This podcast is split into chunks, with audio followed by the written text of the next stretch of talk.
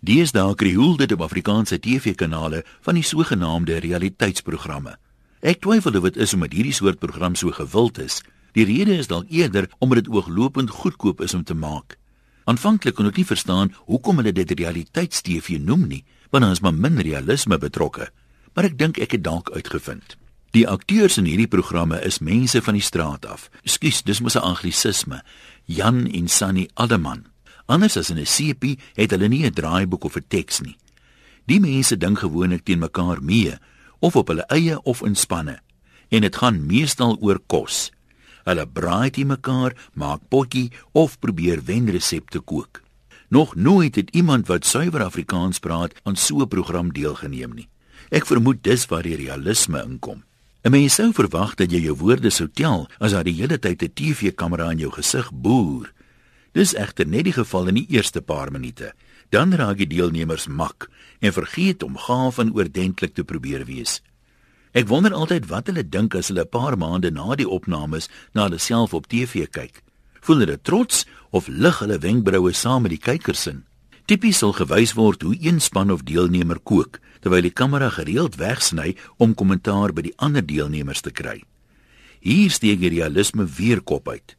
Hulle stemtoon verklap 'n goeie skoot nydigheid met opmerkings soos: "Nee, kyk, moet al daai room gaan dit 'n geil besigheid afgee." Of: "Ek wonder wat laat haar dink sy gaan 'n sterwe gesondheid kry met al daai botter." Meestal kan die deelnemers ook mekaar se pogings proe en oor en weer punte gee. Dan vlieg enige objektiwiteit by die venster uit. Almal benader die proses suiwer op grond van hulle eie smaak En dan kom jy agter hoe vol femies die meeste mense oor kos is. Ek eet mos nie mushrooms nie. Daarom gee ek hulle 'n 2 vir smaak. Ek is nie eintlik een vir slaai nie, so daar was nie regtig iets wat ek kon eet vir voorgereg nie. Of ek eet mos nie mossels of komkommers of chillies of prawns of eie nie. En ek neem aan die ander span moes dit seker vooraf geweet het. Almal is vol bravade voor die kamera. Ek dink nie hulle resepie is kompetisie vir ons nie. Party wil persoonlike aandag hê.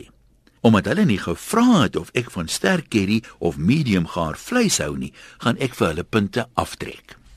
My ma het altyd gesê as jy by ander mense eet, eet jy jou kos en maak of jy alles geniet.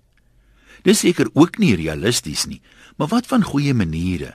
Veral as jy weet jy praat op kamera en jou vies gesiggie gaan op 'n nabyskoot gewys word. Mense praat mos maklik en gereeld laat hoor een van my TV kykgenote iets soos: "Jy kan sommer sien daai vrou met die oorbelle is 'n regte ou moungat."